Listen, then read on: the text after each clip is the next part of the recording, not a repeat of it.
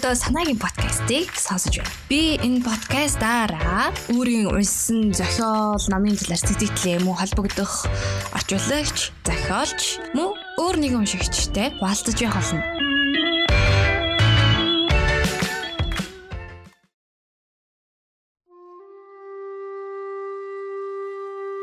За сайн байцгаана уу? Санаагийн подкастын маань ээлж дугаар та бүхэндээ хүрч байна. Тэгэхээр өнөөдөр би Японы эрдэмтэн Нитобе Инназа гэдэг хүний бичсэн Бушидо буюу Япон үндэстний ёс зүйн цогц гэдэг номын хэсгээс болон талаар ярихаар бэлтлээ. За энэ номыг бол би бараг 2 жилийн өмнө авч уншиж исэн. Япон үндэстний тэр кино болон уран зохиол нь маш өрмөц гой санагддаг. Тэгээ цаанаа л нэг тийм ямар нэгэн үгээр хэлж чадахгүй нэг тийм гүн ухаан яваад байдаг юм шиг санагддаг байсан. Япон үндэсний ёс зүйн цогц гэгддэг Бушидогийн талаарх номыг уншаад а зарим талаараа нөгөө кинон дээр гардаг зүйлс номноос ойлгоогүй тэр гүнзгий бодрлууд хаанаас гараад байдгийм бэ гэдгийг шалтгааныг олж жоохон ойлгосон. Тэгэхээр Бушидо гэдэг бол ерөөхдөө Японы одоо улс үндэстний ард түмнийх нь үнэт зүйл гэж хэлж болох ийм ном. За зохиолчийн тухайд гэх юм бол Нитобе Иназо гэдэг хүн 1862-оос 1933 оны хооронд амьдарч байсан. Японы нэр дэвтэмтэн, нийгмийн зүтгэлтэн ийм хүн.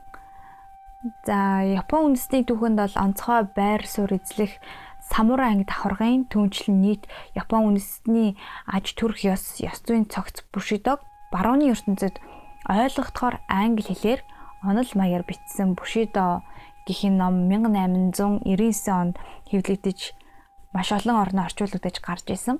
За Нито Бэ Иназо гэдэг хүн бол өөрөө энэ христийн шишинтэй хүн байсан. Тэгтээ бол Япон хүн.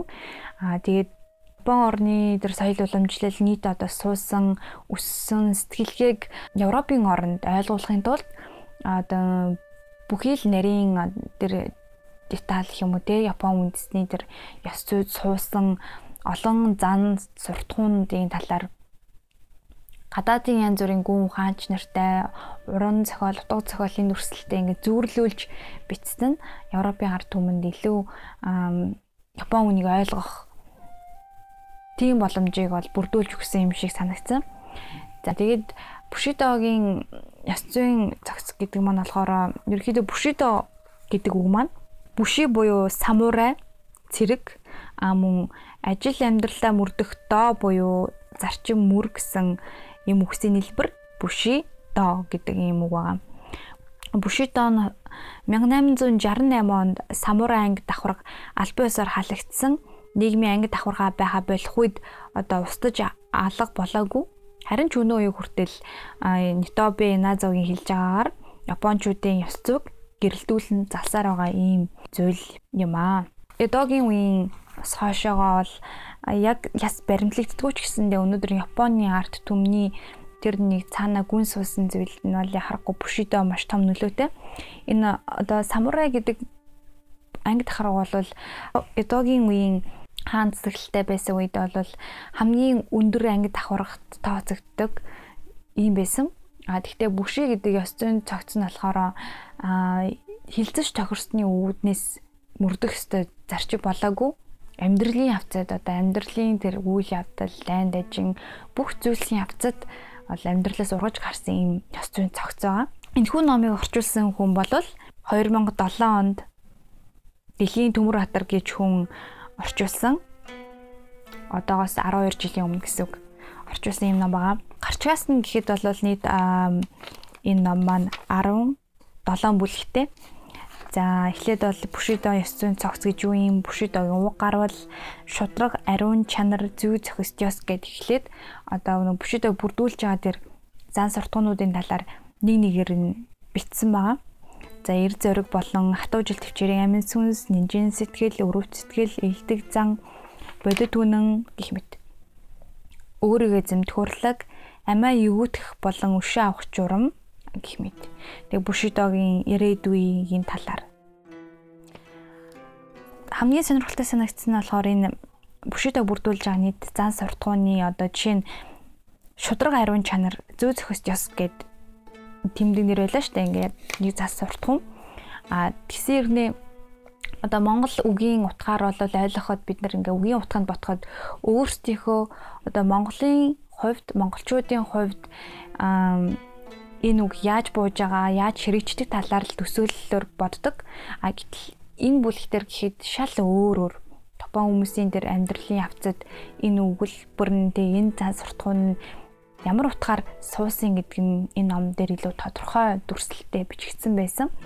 Тэгэхээр анх удаа надад бол орчуулга гэдэг зөвхөн үг үсгийн зүйл биш байт юм байна. Утгын хөрвүүлэг хийгдэх маш их шаардлагатай байдаг юм байна. Ялангуяа энэ соёлын ялгааны үйлбэрүүд хүртэл нэлээд хэцүү зүйл байдаг юм байна гэсэн мэдрэмжийг өгсөн. За тэгээ энэ заа суртахуун бүрийг тус тус нь авч үзэж хийзэж болохгүй. Ялангуяа одоо ингээд жишээ нь а өөрийгөө эзэмдэх урлаг буюу өөрийгөө эзэмдэх төр чадварын талаар ярьлаа гэж бодоход За дараагийн бүлийн төсгөлийн өмнөхөн өөрийгөө эзэмдэх урлын хамгийн тод жишээ бол амиа юугүйтгэл юм аа. Их зэрэг ингээд нэг бүлгээс нөгөө бүлэг рүү шилжихдээ хоорондоо уялдаа холбоотой байдаг учраас одоо ганц бүлгийн уншаад ойлгоно гэсэн зүйл байдаггүй. Бүх зан чанар нь нийлж хоорондоо ингэж одоо зохицож, уялдаж холбогдчихиж бушидаг бүрдүүлдэг ийм.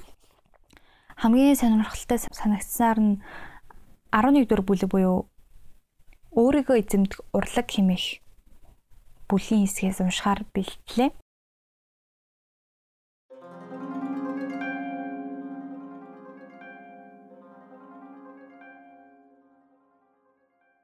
Бушидо Япон үндэстний ёс зүйн цогц 11 дугаар бүлэг өөрийгөө эзэмдэх урлаг.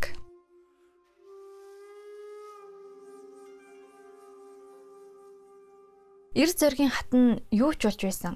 Гомдлоод байдаггүй төвчээр хатуучлын сэтгэл зүй хүн төлөвшүүлдэг бол илдэг цанг төлөвшүүлэх гэдэг нь уу гашуу зовлон гунгаа ил гаргаж бусдын тайван амгалан баяр хөөрд саад болдоггүй чадвартай болохыг хэлнэ. Энэ хоёр нь нийлж байж гуйшгүй хатуу зан чанарыг бий болгон сүүлдээ гадна талдаач гуйшгүй чанар гэж хэлж болохоор манай үндэсний онцгой чанарыг хэлбэршүүлнэ тогтоосон юм. Гадна талдаа гэж хэлсэн маань үнэндээ бол гуйшгүй чанар нь үндэсний чанар болох боломжгүй гэж итгэдэг учраас бас түүнчлэн манай ард түмний альваг хийх арга барил зан заншил нь гадны хүний нүдэнд ер нь л хүйтэн зэвдэг харагддаг байж магадгүй учраас тэр. Гэхдээ бид үнэндээ бол энэхүү өргөн удам дэлхийн ертөнцид аж төрч буй хүн төрлөختний нэгэн ард түмний хуваар зөөлөн уян сэтгэлийг эмзэглэлгүйгээр хариу барих чадвартай хүмүүс. Зарим нэгэн утгаар Япончууд бид бусад ард түмнээс ч илүү сэтгэл хөдлөмтгий өөрийн эрэхгүй булиглан гарч ирэх сэтгэл хөдлөлөө дарахын хувьд бусад үндэснээс ч илүү зовох тохиолдол гардаг. Жишээлбэл манай охид хөвгүүд бага наснаас л сэтгэл хөдлөлөө даран шоглуулж задуулахад нулимс унахгүй, дуу гарахгүй байх чадвартай болон хүмүүжсэн байдаг. Ингэж чармаа жижеэх нь мэдрэлийг мохоох уу эсвэл бүр мэдрэмжгүй болох уу гэдэг нь бие судлалын шинжилгээ ухааны асуудал байна бүший хүн сэтгэлийн хөдлөлөө царай төрхөндөө ил гарах нь эр хүний шинж биш гэж үзэн нугаршгүй хатуу зан төрхийг баяр хөөрөөч уур уцаараа ч ил гаргадгүй хэмээн магтан сайшаадаг байлаа. Жирийн хайр сэтгэлийг ч ил гаргадгүй байж. Жишээлбэл аав нь эцгийн хайраа үзүүлэх үедээ л хүүгээ тэрвэрдэг. Өөрийнхөө өрөөнд биш бол эхнэрээ олны өмнө үнсч нялуурдаг байж. Үйл ажил хянуур ухаан бодол амгалан байх юм бол сэтгэл яаж хөдлөж байсан сандрах явдал байхгүй. Хятадтай дайтаж байх үе буюу Япон чин гүрний дайнд нэгэн хороо дайнд мортохоор хотоос гарах үед удирдагч жанчид цэргүүдийг үдэж гаргахаар олон хүн галт тэрэгний өртөөн дээр цугларчээ.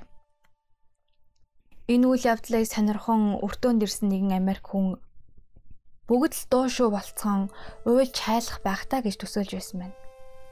Яагад гэвэл үдэн гаргастын донд цэргүүдийн ээж, аав, эхнэр, хайртууд нь байсан болохоор тэр. Гэтэл тэр Америк хүн тун гайхаж бас сэтгэл дундуур үлдсэн гин. Яагад гэвэл дохиод дууран галт тэрэг хөдөлмөгц олон мянган хүн дуу шуучгүй малгайгаа аван толгой бүхийж салах ёс гүйцэтгэжээ. Алчуураараа даллах хүнчгүй нулимс унах нэгэнч байсангүй. Дуу гаргах хүн харагдсангүй. Асар их аниргийн дунд хин нэгний санаа алдах чимээл сонсдож байж. Гэр бүлийн өдөр тутмын амьдралч иймэрхүү дур зураг харагдана. Нэгэн жишээ бий. Өвчин туссан хүүн орондоо хөвтөн харин аав нь хаалганы хажууд нуугдан зогсоод хүүгийнхээ амьсгалахыг шүнжэнгөө чагнан санаа зовно. Аав нь хүүдээ суулт орой хүн гэдгээ үзүүлэхгүй хичээж байгаа нь тэр. Өдрөө хүлээж байгаа их нь хүүгийнхээ хичээлд саад болохгүй тулд түүнийг дуудахыг хориглож байсан тохиолдол хүртэл бий. Плутархын зохиолын сэтгэл хөдлөм дүр төрхтэй адилтхан баатарлаг Япон эмэгтэйчүүдийн тухай жишээ олон бий. Манай ард түмний тариачин эмэгтэйчүүдийн дунд олон олон магит хав байгааг Ям Макларын илрүүлэх байсан нь маргаангүй. Японд Христосын сүмүүдэд итгэл бишрэл барагтай бол сэтгэлийн хурц хөдлөлөөр илрээд байдаггүй нь Япончуудын мөнөөх өөрийгөө эзэмдэх хатуужлаар тайлбарлагдах баг. Эрэгтэй, эмэгтэй ямар ч хүн байсан сэтгэл нь хөдлөөд ирэх юм бол юуны өмнө зөнгөө намуухнаар даран гадагш гарахгүй хичээнэ. Заримдаа бодит байдал халуун хүсэлтэд хөдлөгдөх тохиолдол байгаавч сэтгэлээ барьж дийлэлгүй бодсноо ярьчих тохиолдолч ховор. Сэтгэл санаагаа хөнгөн хийсвэрээр ярьж орхих нь 10 болгоомжлын бурхны нэрийг зоргоор дурсахгүй байх гэсэн 3 дугаар болгоомжлыг зөрчсөн явдал болдог. Олны өмнө хамгийн ариун үгс сэтгэлийн хамгийн нандин баялгаа нээж буй хинэгний яриаг сонсгоно. Япон хүний хувьд тун таагүй үйл явдал болдог. Нэгэн залуу бүший тэмдэглэлийн дэвтэртээ дараах зүйлийг бичсэн гэдэг. Чи сэтгэлээ чинь уухт нууцхан бодол намуухнаар хөдлөж хэлхий мэдэрдэг үү? Энэ бол гүлгэлсэн навч дэлгэрхтэй адил. Төөнд илүү юм ярьж бүүс хаадхий. Чимээгүйхнэр бас нууцханаар хөдлөх боломж олгоод орхи гэж. Уран үхс урсхан өөрийн дотоод ертөнцид байгаагаа Ялангуяа итгэл, бишрлийн бодол сэтгэлээ зарлаад байх нь бидэнд бол энэхүү бодол сэтгэл нь өнгөн талын үнэн сэтгэлийн бишийн баталгаа гэж ойлгогддог. Уран үг урсгагч бээр сэтгэлийн нууцыг дэлбэлэхээс өөртөө гэсэн зөөрөг хүртэл бий. Бидний сэтгэл хөдлөөд эхэлмэгц. Үүнийг нуухын тулд дууга хураадаг маань дорн дахны арга ухааныг мушин гуйлж байгаа зүйл огт биш үлээ. Япон хүний хувьд ярина гэдэг бол нэгэн Франц хүний хэлсэнчлэн санаагаа нуух урлаг юм. Япон найзтай нь ихэд ууг хашууд автан зовлон бэрхшээл тохиох үед нь уулзаад үзээрэй. Нүд нь улааж, хазар нь нулимсандаа норсон найзтай нь царайндаа инээмсэглэл тодруулан таныг ухтах буй за та тэр мөчөд найзын маань мэдрэл нь зүгээр байгаа даа гэж бодох байх. Хүч гаргаад юм асуух аваас найз тань хүний амьдралд ууг ашуу тохиолдохыг алийг тэр гих вэ гэх юм уу? Уулзаж учрах үе байхад салж хавцах үе бас байх юм аа. Эсвэл амьд бүхэн заавал үхэж үргэтнэ гэж хариулах юм уу?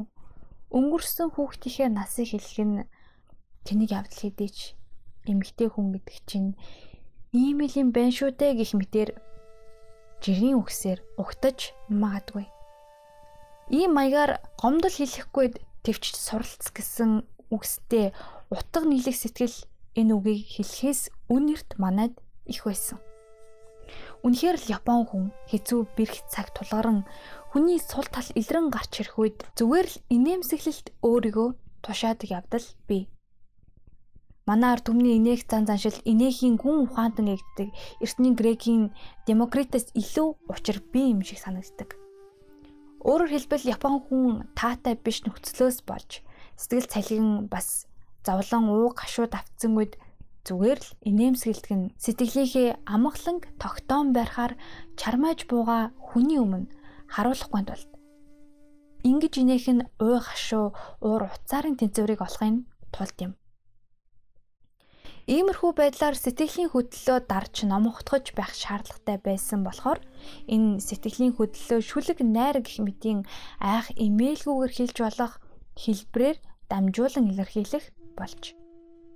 10 дугаар зууны шүлэгч Кино Цураки хятадд ч манай оронд ч шүлэг бол сэтгэлийн дотор санаж явахын аргагүй болох үед гарч ирдэг мих гэж хэлж байжээ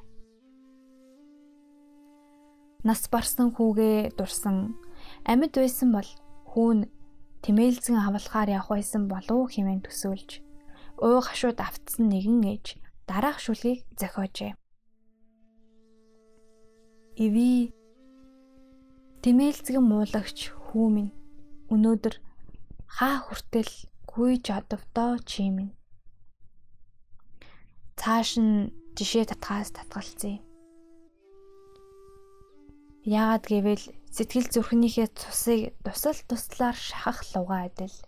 Хэлхэгтэн амилсан нутаг нэгтнүүдийнхээ шүр сувдан уран зохиолоос гадаад хэлэнд буулах гэж оролдох нь эсэргээр үндэснийхээ уран зохиолын гайхамшигт үнцэнд шарах суулгахгүй гэж бодогдсноос тэр харин би гадаад төрхөндөө хүйтэн сэтгэл эсвэл сэтгэлээр унах инээх холилдсон хийрхэл заримдаа бүр бидний эрүүл ухаанд эргэлзээ төрүүлэх байдал харагдгийн цаана сэтгэлийн гүнд үнэндээ бол юу оршиж байдгийг ойлгуулъя гэж бодсон юм.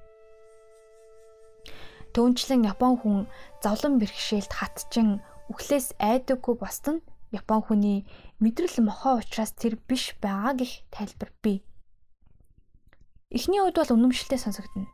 Бас Япон хүн сандарч адган бие барих нь яагаад гадаад хүнийхээс баг байдаг вэ гэсэн эргэлзээнд хариу болгоход жишээлбэл манай цаг агаар Америкийн цаг агаартай харьцуулбал эрс тис биш байдагтай холбоотой байж болох юм.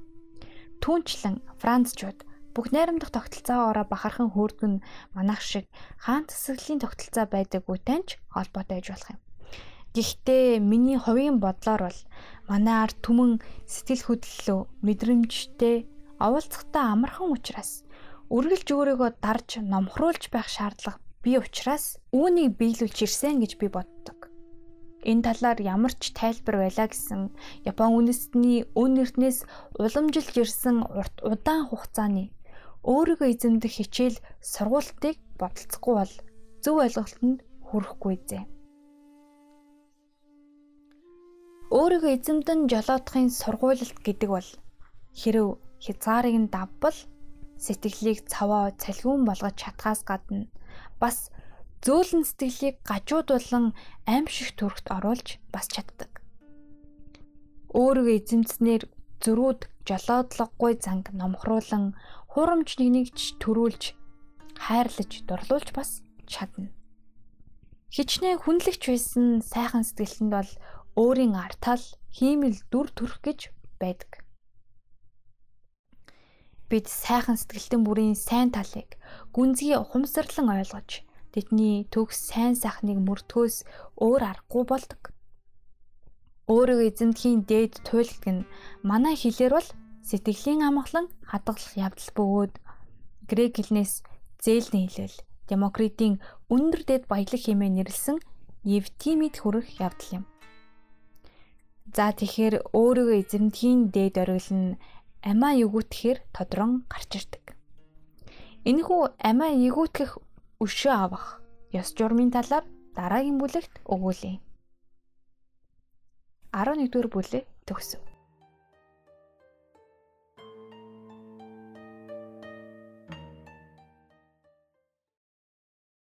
За тэгэхээр бид сая Нитобе Иназогийн Бушида буюу Япон үндэстний ёс зүйн цогц нэг зан чанар болох өөрийг эзэмдэх урлагийн талаар ярьлаа. За тэгэхээр бас гүн гүнз явтуугаас өөрийгөө эзэмдэх урлаг гэхээр одоо бас их гоё тайлбарлсан. Манай Япон ард түмэн одоо бүр хин хүнээс илүү эмзэг мэдрэмтгий байж болдог. Үүнийгээ дарах шаардлага байдаг учраас магадгүй өөрийгөө эзэмдэх урлаг тэ өөрийгөө эзэмдэх шаардлагач мөн тийм шаардлагатай байдгаа гэсэн санааг дэвшүүлсэн байна. Тэгээ сайн ажилласан бол бас л ингээл одоо эртний гүн ухаанч Демокритс жишээ авдаг ч юм уу дандаа Европ хүмүүст одоо ойлгох хуцаар зөвөрлөл хэрэглэж байгаа нь бас тухайн утгыг ч гэсэн ойлгоход маш нөхөн болж байгаа. Тэгэхээр Япон арт түмэн гэдэг бол өөрөө ингэ цаанаасаа уламжлагдаж ирсэн их тийм гоё гүн ухаанлаг, философлог тийм уламжлалт одоо зүйл байгаад байгаа юм л та. Харин манай Монгол орны хувьд те монголчуудын хувьд тийм зүйл байгаа юу гэдэг бол их сонин. Тэгээ улс орн одоо өнөөдрийн глобалчлалд донд үнэхээр тэр identity буюу үнэт чанар гэж байх ёстой юу гэдэг асуудал бас байна. Ерөнхийдөө одоо улс төрийн байдал гэдэг ч юм уу хараад байхад биднэрт ямар ч тийм нэгдсэн одоо үнэт зүйл гэж байдаггүй. Одоо зар сурчлагаа юм уу маркетинг тэг гоё ганган байх нь бидний үнцэн юм уу? Хүмүүст алдартай байх нь бидний гол үнцэн хүрх ёстой зүйл юм уу? Бидний одоо монголчуудын нийт монгол хүний одоо харилцаа, монгол хүний бие авч явж байгаа, монгол хүний амьдралд хандж байгаа хандлага нийтлэг уламжлалт үн цэн гэж байгаа юу гэдэг бол бас айгүй аа сонирхолтой асуудлыг одоо тавьж байгаа. Тэгэд өөрөө Нитоби Наза бол ерөөсөө гадаадын уламжлагч гэсэндээ бас бүрэн шүтсэн, бүрэн аталтгсан юм ерөөсөө байхгүйсэн. Ямар нэг байдлаар баг зэрэг шүүмжилсэн тий Япончуудыг одоо ингэж боддгоо гэтэл яг үндэ тийм байхгүй шүү дээ гэдэг талаар нөгөө талаар ингээд өөрийнхөө орны тэр үнэт нандин гой зүйлийг бол сурчлаад байгаа хгүй нэгсэндээ бахархаж ширж байгаа. Одоо Европт бол зүгээр одоо сэтгэл хөдлөлөө гаргачтай тий зүгээр ингэчдэг болвол манай Япон орныг бол зохисгүй гэж үздэг. Хүчтэй харагдахыг хүсдэг. А тэгтээ үнэхээр одоо тэр бүх зүйл дотроо байдаг гэдгийг бүгдээрээ мэдэрдэг, нэг нэгийг мэддэг гэдэг санааг дэвшүүлж байгаа гэдэг санааг илэрхийлж байгаа нь бол маш бахархууштай. Өнөөгийн глобалчлалд авч үлдэж чадах маш том маш том тийм бүтээл бол яхахгүй Бушидо гэдэг бүтээл юм байна гэдгийг ойлгож авлаа. Жишээ нь одоо юу гэдгийг Европын соёл Япон орн руу хит хурдцтай дайрч орхолоо орж байлаа гэхэд өөдөөс нь те манад ийм боломжтой байдгаа. Ийм боломжтой маань одоо ийм гэсэн үгээ гээл барыг ингэж хамгаалж одоо тэр нэг нандин зүйлээ хадгалж байгаа юм шиг надад санагдлаа. За ингээд ямар ч байсан энэ удаагийн дугаарыг маань хүлээн сонсон сонсогч нартаа маш их баярлалаа. Ингээд дараагийн дугаарт бол заавал ярилцлага байгаа гэдгийг амлаж байна. Ингээд дараагийн дугаар хүртэл түр баяртай.